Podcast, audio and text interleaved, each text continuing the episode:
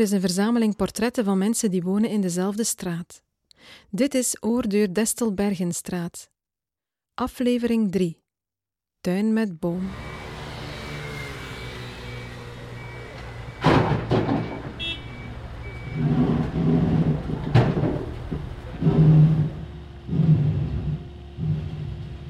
In de straat zijn volop werken aan de gang. Het voetpad wordt heraangelegd. Binnenin is het rijhuis opengemaakt tot één lange woonruimte. De inrichting is sober en straalt rust uit. Toen ze met haar partner een dochter kreeg, ging ze op zoek naar een geschikt huis. Nu, dat huis was absoluut niet zo aantrekkelijk op het moment dat wij hier binnenkwamen. Um, maar toch hadden wij alle twee zo gelijk iets van, ja, dat is het. Gewoon, er was zo, het waren mogelijkheden. Had gewoon plankenvloer, er was een toffe trap, er was een tuintje, er stond een boom in de tuin. Allee, eigenlijk allemaal dingen misschien, maar uh, dat heeft dus zo de doorslag gegeven. En we hebben dat eigenlijk vrij snel beslist omdat we een beetje bang waren van, ja, we mogen hier niet te lang wachten. Ja, zo gaat dat dus in Gent.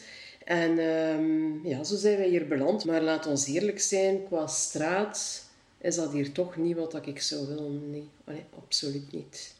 Absoluut niet.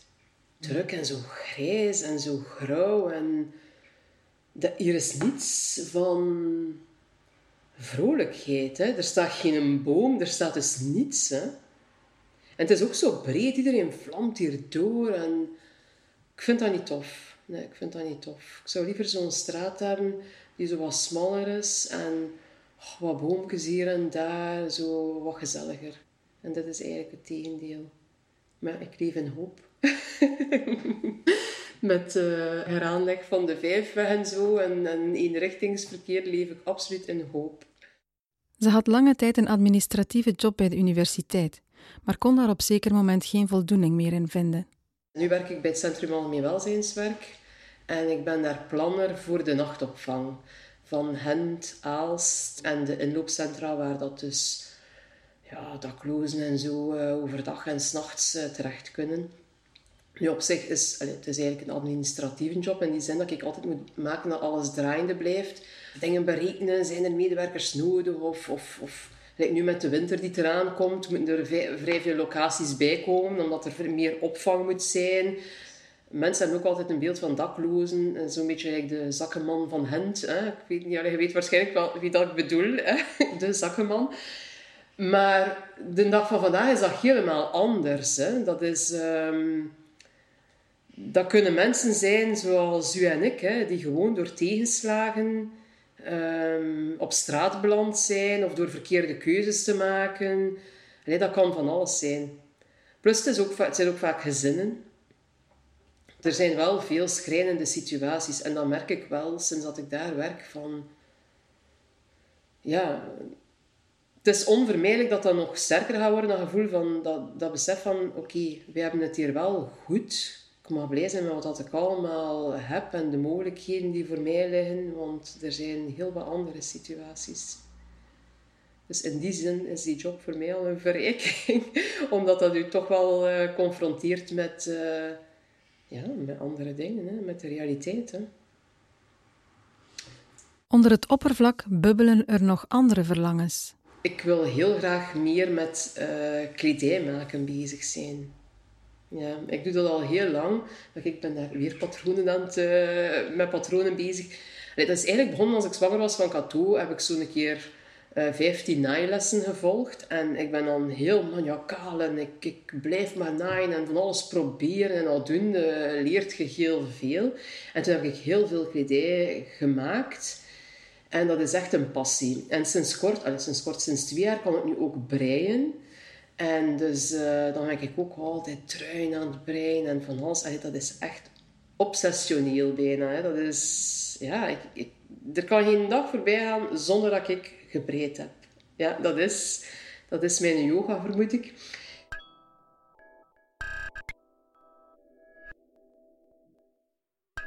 Twee jaar geleden was ik een keer naar de VDAB geweest en had ik meegedaan aan een infosessie uh, om de beroepsopleiding patroontekenaar te volgen. En ik was geslaagd, want dat was eigenlijk niet zo evident, vond ik. Maar kom, ik was aan geslaagd. Ik mocht dat doen. Probleem was, ah, ik was vast benoemd aan de universiteit. En dan, ja, ze konden mij daar niet ontslaan of, of wat dan ook. Ehm, ik moest daarvoor ontslag nemen.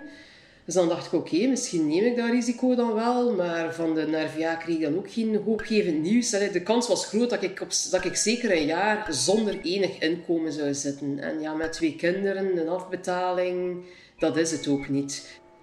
Bijna twee jaar heb ik daar mijn, mijn hoofd over gebroken. En ehm, ik heb dan uiteindelijk op het punt gestaan, ik ga het toch doen. maar kon, kon het gelijk niet. Omdat, niet voor mijzelf, maar omdat ik niet mijn gezin in die onzekerheid wou sleuren. Want Joris zegt, oh ja, dat komt wel goed, hup, hup, hup. Maar ja, ik weet niet wat dat wel zo goed zou gekomen zijn. Dus uiteindelijk heb ik het niet gedaan. Ben dan ook op die vacature bij het CAW gebotst. Wat dat dan eindelijk een keer een vacature was voor een administratieve job die mij wel aansprak. Dus ik heb daar dan voor gesolliciteerd en ik had het. En daarmee heb ik die plannen van dat patroon tekenen voorlopig in de kast gestoken. Maar dat is wat ik dus eigenlijk wel heel graag wil doen. Ja.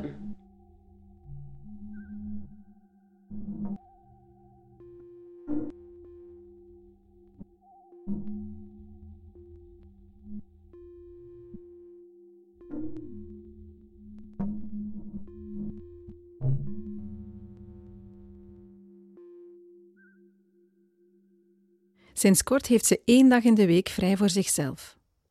Een dag zonder extra prikkels. Ik zoek dat heel erg op, want dat is voor mij ook de reden geweest dat ik uiteindelijk even part-time gaan werken ben, omdat ik ben echt zo iemand...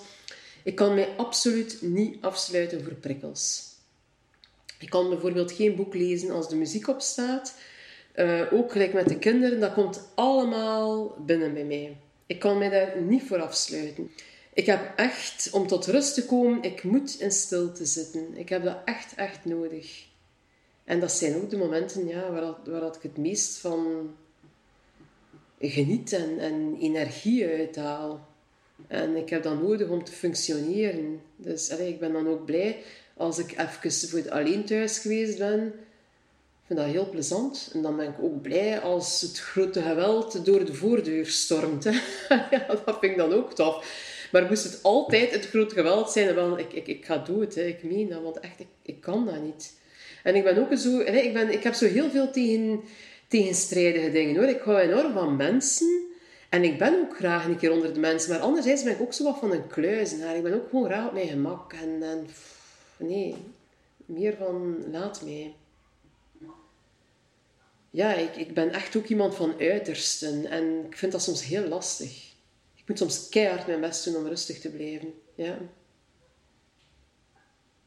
Dat is, ja, dat is vechten tegen... Ja, tegen jezelf soms. Maar anderzijds ben ik daar dan ook blij om.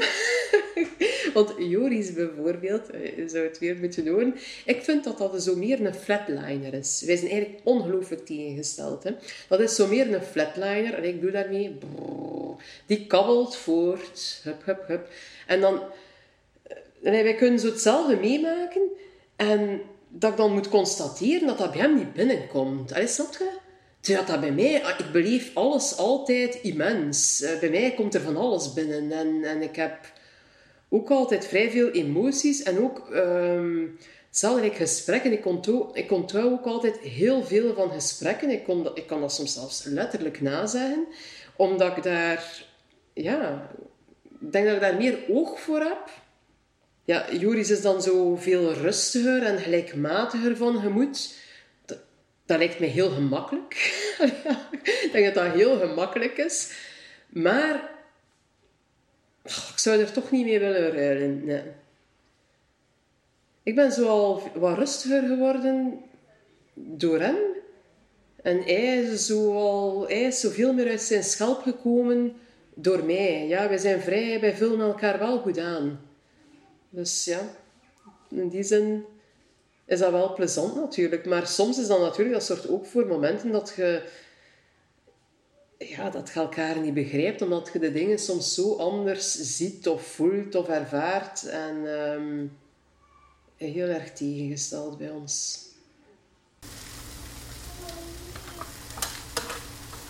Ik ben hier met papa naar de kermis.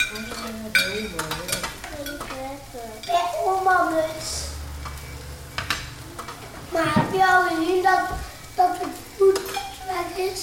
Hm. Omdat er zoveel, uh, zoveel auto's rijden en is hier aan het Nee, omdat we de weg, omdat we de weg aan het aanleggen. Is een hindernis.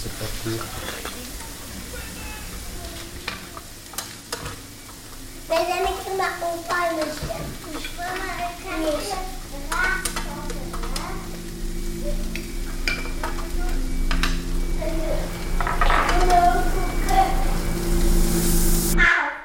ik verlang soms wel naar wat meer um, rust. Ja, rust. Ik zit vaak zo met het dilemma van... Wonen wij hier wel goed? Um, en ik hou ook van, van het bruisende van de stad en zo. Maar oh, ik kom altijd zo helemaal tot mijzelf als ik zo in het groen zit of tussen de beesten. dan denk ik van... Oh, soms verlang ik naar zo'n leven. Er is wat meer op de buiten. Uh, op een of ander boerderijtje met wat kippen en zo. Ja, dat is eigenlijk soms zo'n verlangen dat ik soms heb. Omdat dat u zo dwingt om het zo wat rustiger te doen. Je hebt dan zo je werk en dan kom je thuis en je zit, zit zo meer in de natuur. denk dat dat u dwingt om het een beetje rustiger aan te doen. En ik heb dat nodig. En ik kan dat niet altijd zo uit mezelf.